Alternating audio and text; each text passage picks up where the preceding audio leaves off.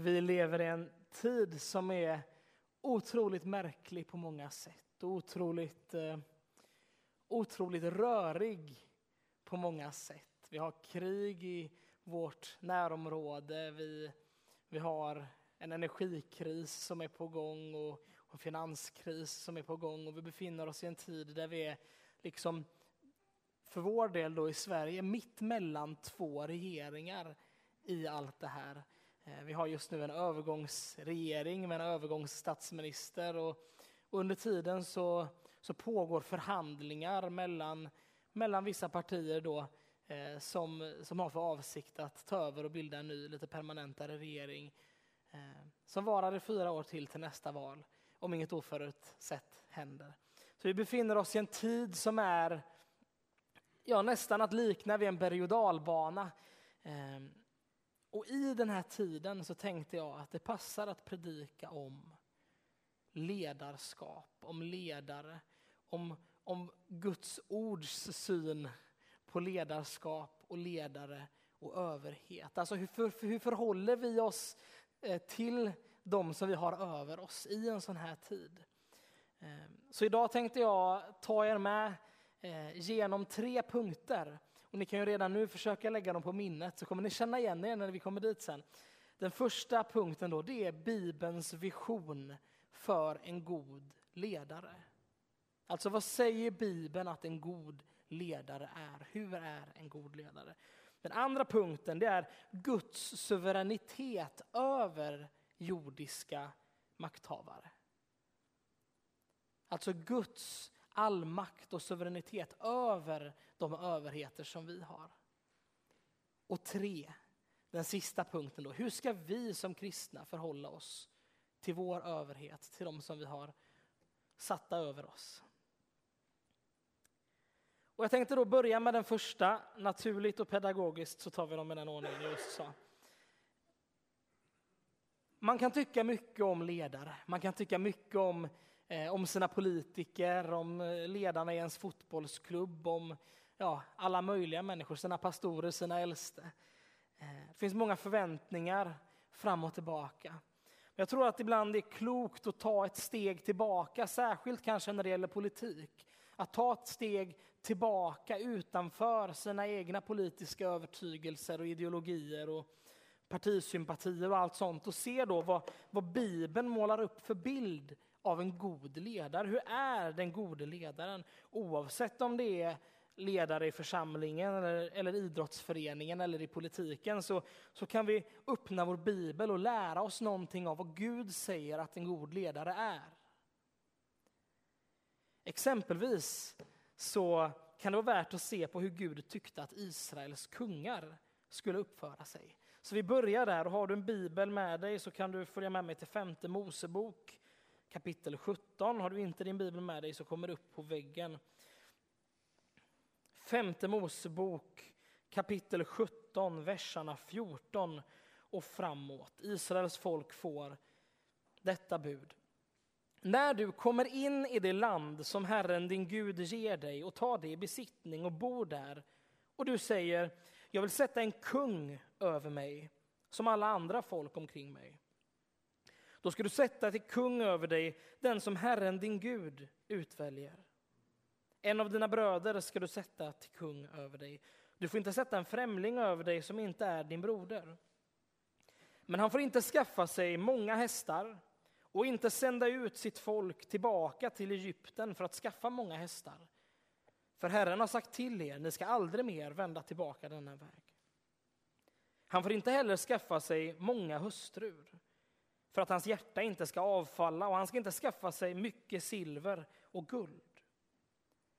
När han sitter på sin kungatron så ska han låta göra sig en avskrift av denna lag enligt den bokrulle som finns hos de levitiska prästerna. Den ska han ha hos sig och läsa i den alla sina livsdagar så att han lär sig frukta Herren, sin Gud och ger akt på alla ord i denna lag och dessa stadgar och följer dem.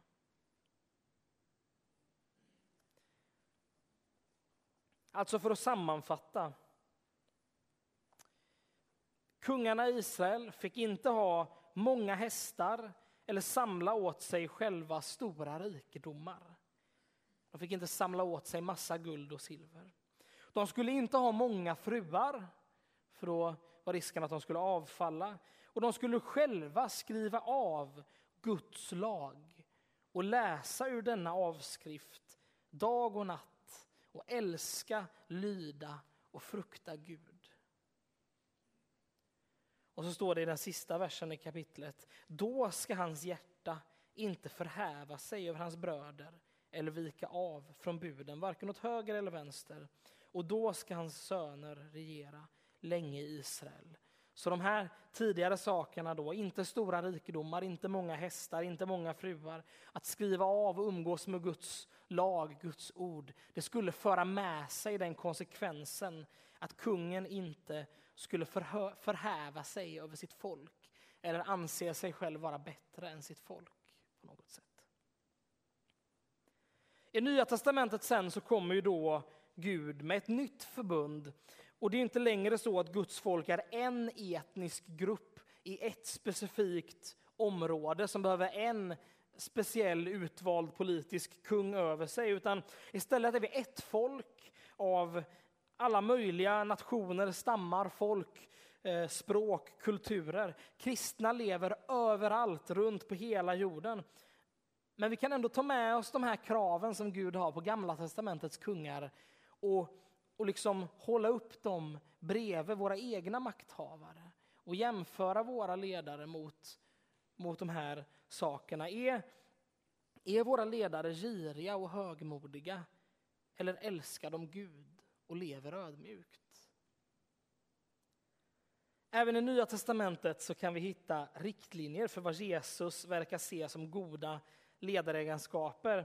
Eh, jag ska läsa Matteus kapitel 20, verserna 25 till och med 28. Jesus säger så här till sina lärjungar.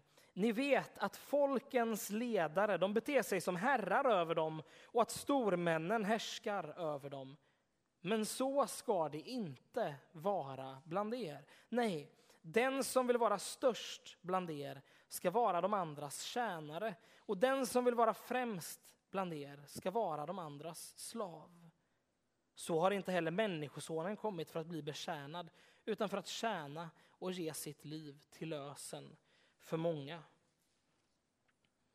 Och jag läser ett till ord från Johannes 13, verserna 12 till och med 15. När han sedan tvättat deras fötter och tagit på sig manteln och lagt sig till bords igen sa han till dem, förstår ni vad jag har gjort med er? Ni kallar mig mästare och herre, och det med rätta, för det är jag. Om nu jag, er herre och mästare, har tvättat era fötter så är också ni skyldiga att tvätta varandras fötter. Jag har gett er ett exempel för att ni ska göra som jag har gjort mot er.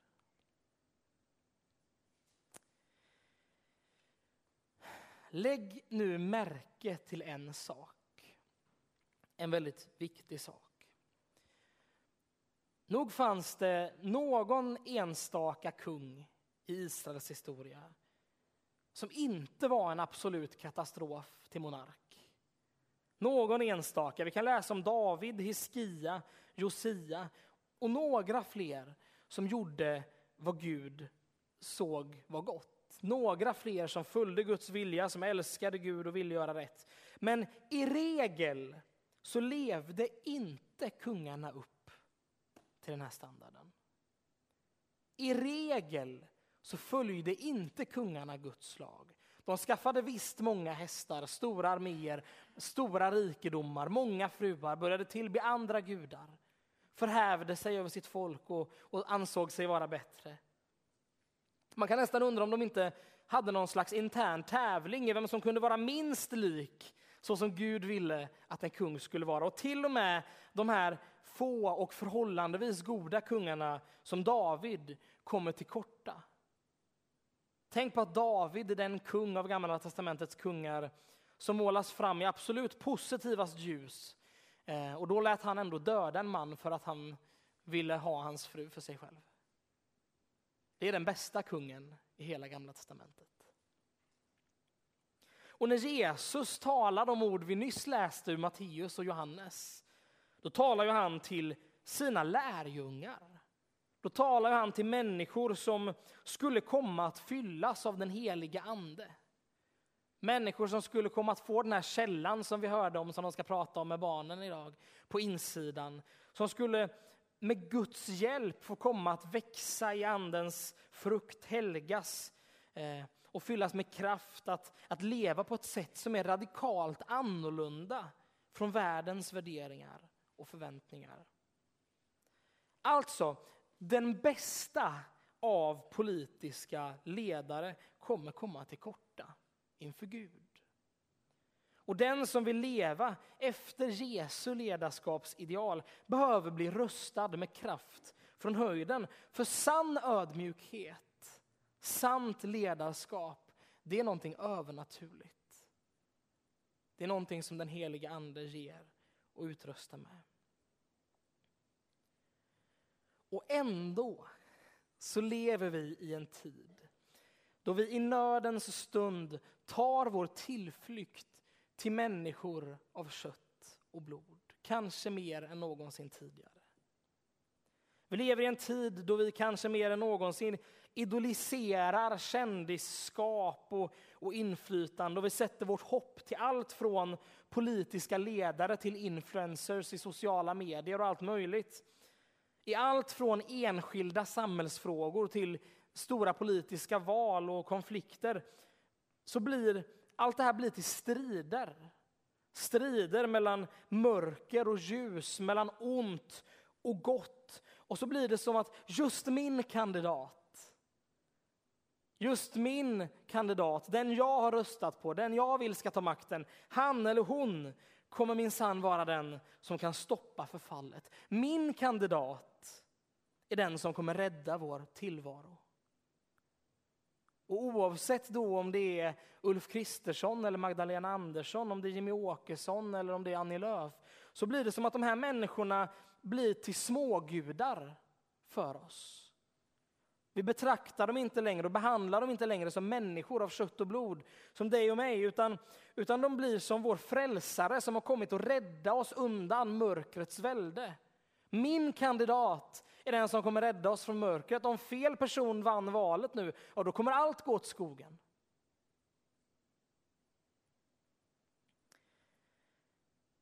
Men som en amerikansk predikant sa en gång, jag minns inte vem. Guds vrede mot den här nationen kommer inte avvändas av att vi får en konservativare president. Utan av att vårt folk faller ner på knä och omvänder sig och ber. Det är inte meningen att vi ska sätta vårt hopp till alla de här politiska ledargestalterna, för de kommer alltid till korta.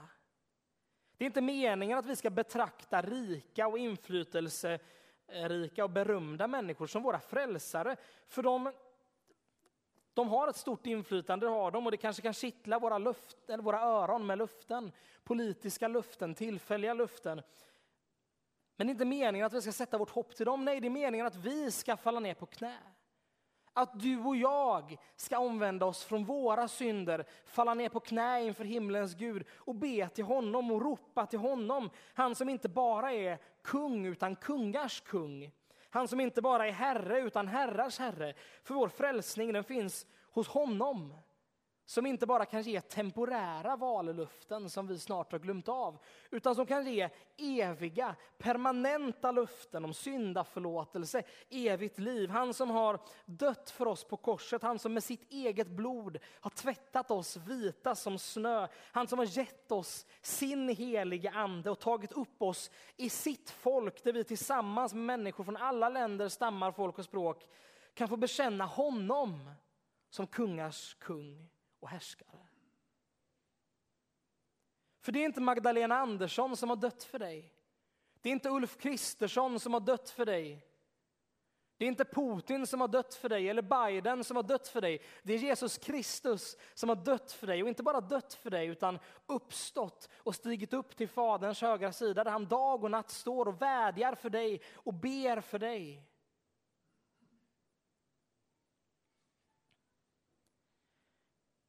Någon gång ibland så händer något så unikt som att en monark sitter på sin tron längre än vad, vad många ens får leva. Och med tiden kommer att uppfattas av något, eller som något av en konstant, någonting som alltid har funnits varit där. Premiärministrar och presidenter avverkas på löpande band, men den här regenten består. Någon gång ibland händer det till och med något så fantastiskt och unikt som att denne regent faktiskt har en levande och enkel tro på Jesus Kristus som sin Herre och Frälsare. Och jag talar naturligtvis om drottning Elisabet II som ganska nyligen fick, fick flytta hem till sin Herre. Och det kändes nästan, i alla fall för mig som är ung, men säkert för många av er som är äldre också, som att den kvinnan aldrig skulle dö. Hon har ju funnits jämt. Hon har alltid varit drottning i England. Men vet du, alla jordiska regenter dör. Förr eller senare, alla kungar, alla politiker dör. Så du är svensk, det är du. Karl den 16 Gustav, han är din kung, det är han. Magdalena Andersson är din statsminister ett tag till. Snart kommer det förmodligen vara Ulf Kristersson som är din statsminister. Och allt det där spelar roll. Allt det där är viktigt, men ingenting av det där är någonsin lika viktigt som att, som att ditt verkliga medborgarskap är i himlen. Och som att din verklige kung är Jesus Kristus. För jordens kungar, de kommer och går, nationer grundas, nationer upplöses. Men det finns ett rike som består för evigt. Det finns en kung som aldrig någonsin kommer dö och som aldrig någonsin kommer abdikera. Det är nästan värt ett halleluja. Det är nästan värt ett amen.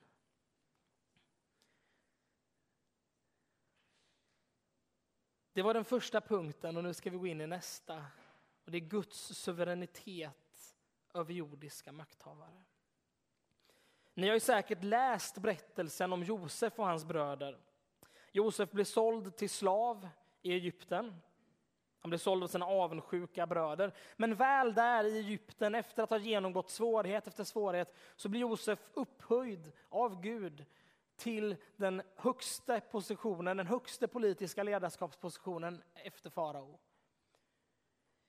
Och det går bra för honom och, och han, får, han får, får tjäna inte bara det egyptiska folket utan hela medelhavsområdet genom sju år av en fruktansvärd svält. Och när de här bröderna då, de här avundsjuka, onda bröderna, långt senare skäms och de ber Josef om förlåtelse och de vill verkligen liksom inte, alltså de vill ha en, ha en bekräftelse på att han verkligen har förlåtit dem. För hur kan en människa förlåta något sånt? Men då svarar han dem i första Mosebok 50 och vers 20. Ni menade ont mot mig, men Gud har menat något gott genom det för att bevara många människor till liv. Ni menade ont mot mig, men Gud har menat något gott.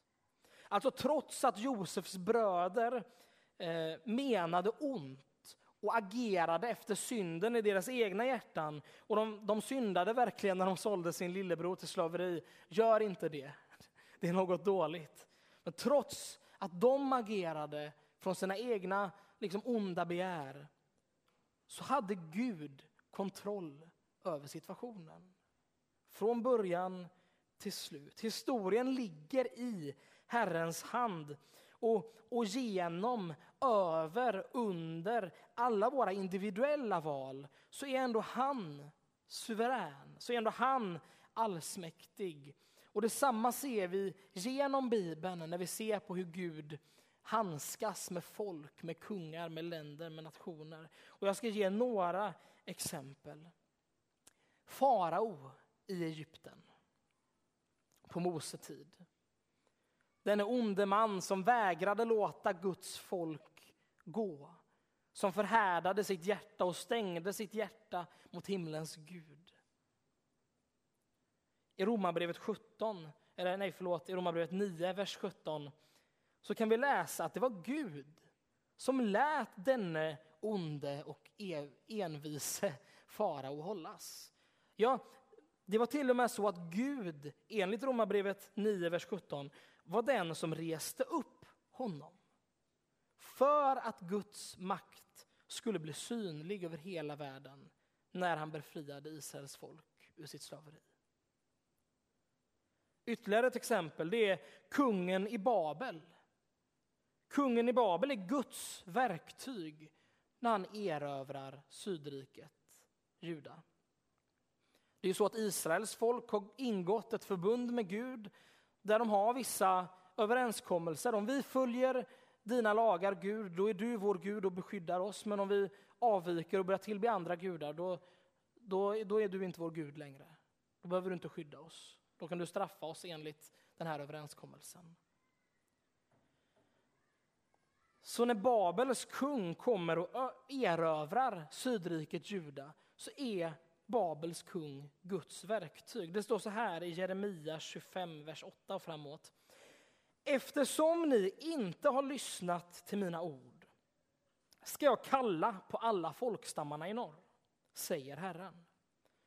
Och jag ska sända efter min tjänare Nebukadnessar. Va? Det har jag aldrig någonsin i söndagsskolan fått, fått höra kung Nebukadnessar beskriven som en tjänare, som en Guds tjänare. Jo, men så säger Herren, jag ska sända efter min tjänare Nebukadnessar, kungen i Babel, och jag ska låta dem angripa detta land och de som bor här. Hela detta land ska ödeläggas och förstöras, och dessa länder ska tjäna Babels kung i 70 år. Men i vers 12 så kan vi läsa, men när 70 år har gått då ska jag straffa kungen i Babel och folket där för deras missgärning, säger Herren. Likadant var det när Assyriens kung erövrade Nordriket ett par hundra år tidigare. I Jesaja 10 kan vi läsa att han också är ett Guds verktyg, Guds piska mot sitt eget folk. Men att den assyriske kungen själv inte tänkte så i sitt hjärta. Han ville bara förstöra, erövra, utrota folk. Assyriens kung ville bara ont. Så här har vi liksom en spänning mellan människors ondska och Guds allmakt. Å ena sidan så kan, kan de här eh, främmande kungarna eh, betraktas som ett Guds verktyg mot sitt eget folk. Och samtidigt så vet vi att eftersom de inte gjorde det av den avsikten, de ville bara förstöra och göra hemska saker, så kommer de också få straffet för sina egna synder. Och ett nytestamentligt exempel, kanske det bästa exemplet av alla, är Jesu död. Ni kommer kanske ihåg att Petrus och Johannes blev inkallade till Stora rådet, att de blev tillrättavisade och att de fick befallningar att aldrig någonsin igen predika i namnet Jesus. Och så blir de utsläppta och så samlas de tillsammans med den kristna församlingen och så ropar de till Gud i bön och så ber de så här i Apostlagärningarna 4, vers 24 till 30. Herre, du som har gjort himmel och jord och hav och allt som finns i dem. Du har genom den heliga Ande talat genom vår fader David, din tjänare. Varför rasar hedna folken? Varför tänker folken tomma tankar? Jordens kungar reser sig och förstarna gaddar ihop sig mot Herren och hans smorde. Ja, de gaddade verkligen ihop sig i denna stad mot din helige tjänare Jesus som du har smort. Herodes och Pontius Pilatus gick samman med hedningarna och Israels stammar för att utföra det som du med din hand och ditt beslut hade förutbestämt.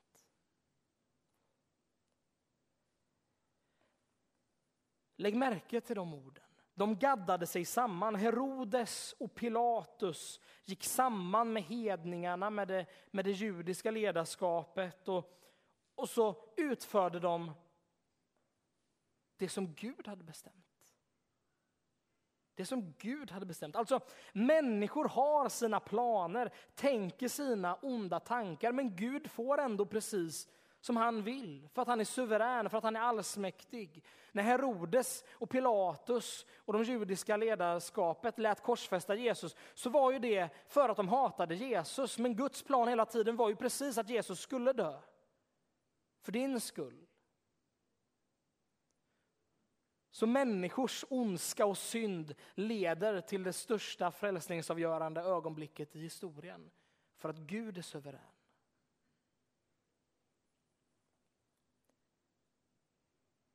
Och det är därför också som vi kan läsa i Ordspråksboken 21, vers 1 att kungens tankar är som vattenbäckar i Herrens hand. Han leder dem vart han vill. Men är det fortfarande så idag då? På Gamla testamentets tid, som vi redan har sagt, så bestod ju Guds folk av en specifik etnisk grupp på en specifik geografisk plats med en väldigt specifik lag och sådär. Eh, och, och, och, han hade i det här förbundet vissa förbannelser och välsignelser och sådär. Och har inte det ändrats i och med Jesus? Jo, det har det förstås. Vi som tillhör Jesus, vi behöver aldrig oroa oss för det gamla testamentets förbannelser på det sättet. Och Gud handskas inte med folkgrupper på exakt samma sätt idag som han gjorde på gamla testamentets tid. Men det finns ändå något väldigt viktigt här som vi kan lära oss av det. Och det är det här. Gud är inte beroende av goda ledare för att få sin vilja igenom. Om inte det är en tröst i dagens politiska läge runt om på jorden så vet inte jag vad som skulle vara en tröst. Gud är inte beroende av goda ledare för att få sin vilja igenom. Det vi människor menar för ont, det kan Gud mena för gott. Och han är den som sitter på tronen oavsett vem som är statsminister i Sverige, oavsett vem som är president i USA, vem som är kung i Thailand eller you name it. Hela världen med allt vad den rymmer tillhör Gud. Och då kan vi uppleva att saker och ting här på jorden spårar ur. Då kan vi uppleva att saker och ting är utom kontroll. Men för Gud är det inte så. Han behöver aldrig uppleva att någonting spårar ur eller är utom kontroll. Och det är därför vi kan läsa med David i psalm 45. Gud, din tron består i evigheters evighet. Och det är därför Jesus, när han lämnar lärjungarna i, i Matteus 28, lovar dem att all makt i himlen och på jorden tillhör honom. Inte en del av makten, inte lite makt, inte makt bara i himlen men inte på jorden. Utan all makt i himlen och på jorden tillhör mig, säger Jesus.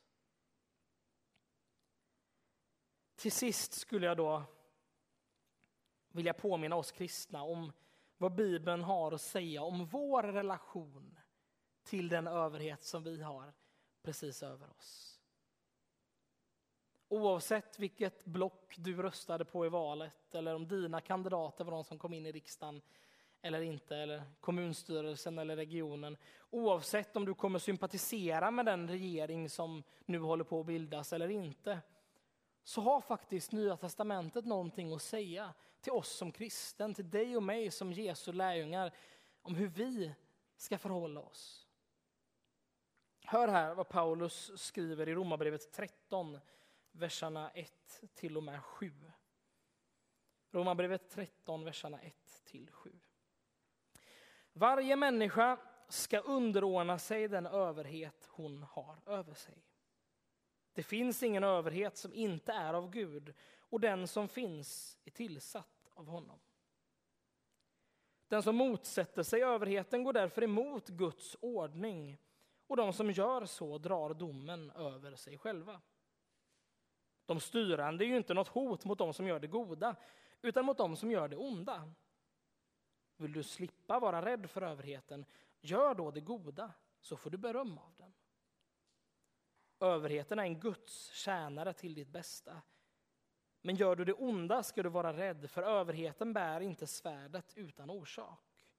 Den är en Guds tjänare, en hämnare som straffar den som gör det onda. Därför måste man underordna sig, inte bara för straffets skull, utan även för samvetets.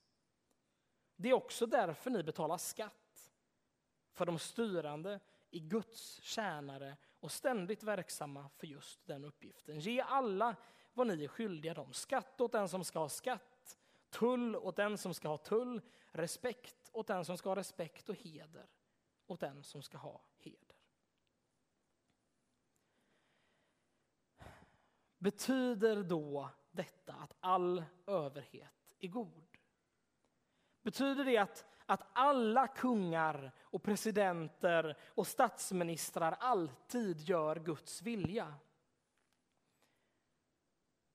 Nej, så är det naturligtvis inte. Kejsarna i Rom var knappast gudfruktiga, ödmjuka män. Kejsar Nero, som var den kejsare som regerade när Paulus skrev just dessa ord, det var också den kejsare som skulle komma att avrätta Paulus och Petrus och många andra av apostlarna, de tidiga kristna. Men det betyder att själva ordningen är bra. Det betyder att det är Gud som har tänkt att det ska finnas de som styr, de som bestämmer, att det ska finnas polis, militär som håller ordning i samhället, som straffar de som gör det onda och belönar de som gör det goda och skyddar de som handlar rätt. Och till och med onda ledare kan faktiskt lyckas med väldigt mycket av det här. Och Gud har då tänkt att vi ska lyda dem, att vi ska underordna oss dem och att vi ska vara laglydiga medborgare. När Donald Trump vann valet i USA så var det många på den demokratiska sidan som utbrast han är inte min president. Och några år senare när pendeln svängde så var det många på den konservativa sidan som utbrast när Joe Biden vann. Han är inte min president. Och I Sverige så har vi ju liknande diskussioner om vem som är min talman och inte min talman och sådär. Men låt oss inte hemfalla till sådana attityder, för det är faktiskt inte bibliskt. Det är inte en biblisk attityd. Om Paulus kan säga att kejsar Nero är min kejsare och jag ska lyda honom, då kan vi nog stå ut med ganska mycket. Oavsett hur illa eller väl jag tycker om min överhet så skriver Paulus att den är en Guds tjänare. Och att överheten är en Guds tjänare, det betyder att jag tjänar Gud när jag lyder överheten. Det betyder att jag tjänar Gud när jag inte går mot röd gubbe. Jag tjänar Gud när jag lämnar in min deklaration i tid. Jag tjänar Gud när jag håller hastighetsbegränsningarna på vägarna. Jag tjänar Gud när jag söker bygglov och gör rätt för mig. Jag tjänar Gud när jag lyder mina politiska ledare. Inget av detta betyder naturligtvis att du och jag ska sitta tysta om överheten är ond. Inget av detta betyder att vi ska vara passiva när regeringar och makthavare handlar mot Guds vilja. Självklart inte.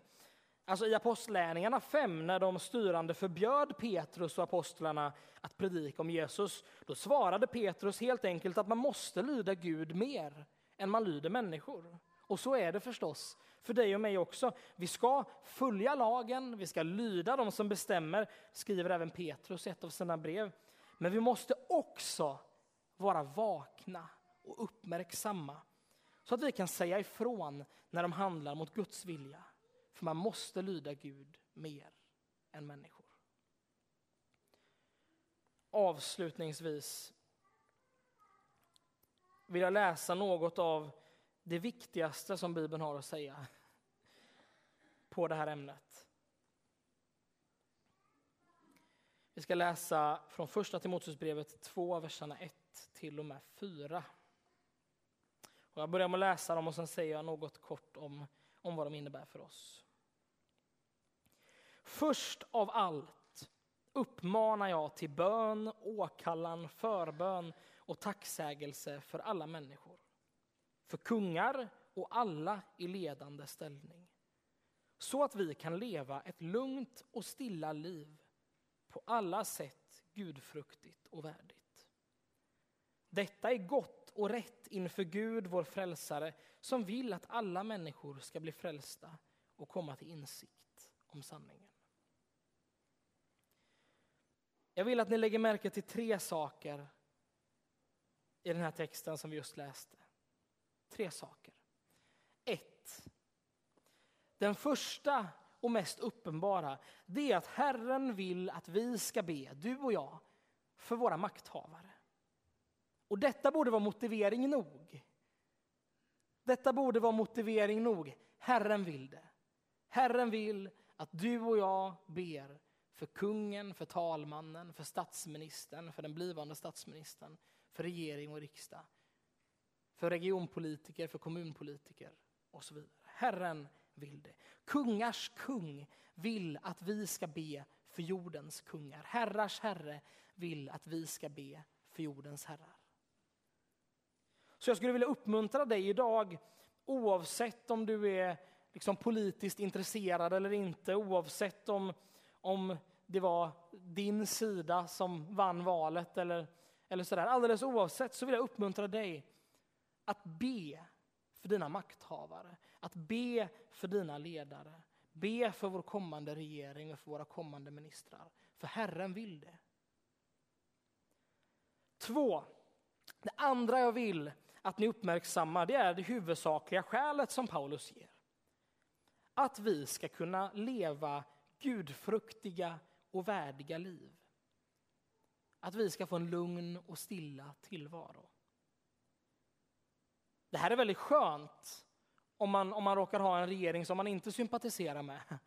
Alldeles oavsett vad du tycker politiskt och sådär, så behöver du inte be att den kommande regeringen ska lyckas med allt de tar sig för. Om du inte vill det. Du kan ju be det också naturligtvis. Eh, men du behöver inte be att, att all politik går igenom alltid. Men du kan alltid be som Paulus säger, du kan alltid be att din överhet ska regera på ett sätt så att vi som är kristna ska kunna leva stilla och lugna och gudfruktiga liv. Du kan alltid be att din överhet ska regera vist och tolerant så att vår religionsfrihet inte inskränks så att det blir svårare att leva i enlighet med Guds vilja och så vidare. Du kan be att vi som kristna att vi som kristna inte tvingas göra saker som går emot vår tro eller vårt samvete. Du kan be att vi kan leva våra liv som Jesu efterföljare och tro på Bibeln och bekänna Bibeln och leva ut Bibeln. Det kan du be. Men Paulus ger också ytterligare en, en motivering. Tre.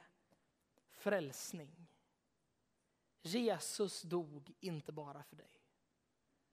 Jesus dog inte bara för oss som redan har lärt känna honom, som redan har fått ta emot honom som Herre och Frälsare, som redan har fått höra talas om de fantastiska nyheterna om korset och syndernas förlåtelse och evigt liv och den heliga Andes smörjelse och, och närvaro i livet. Jesus dog inte bara för oss. Gud är en Gud som vill att alla sorters människor kommer till frälsning. Inte bara arbetare, inte bara chefer, inte bara bönder, inte bara politiker, utan alla möjliga sorters människor.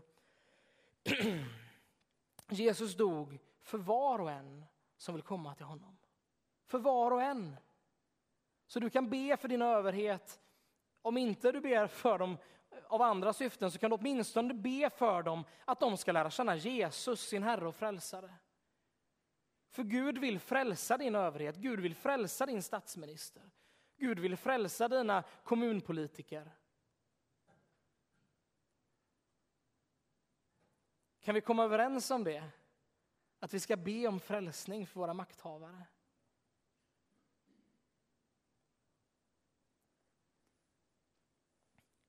Vi ska ta och be och tacka Gud tillsammans.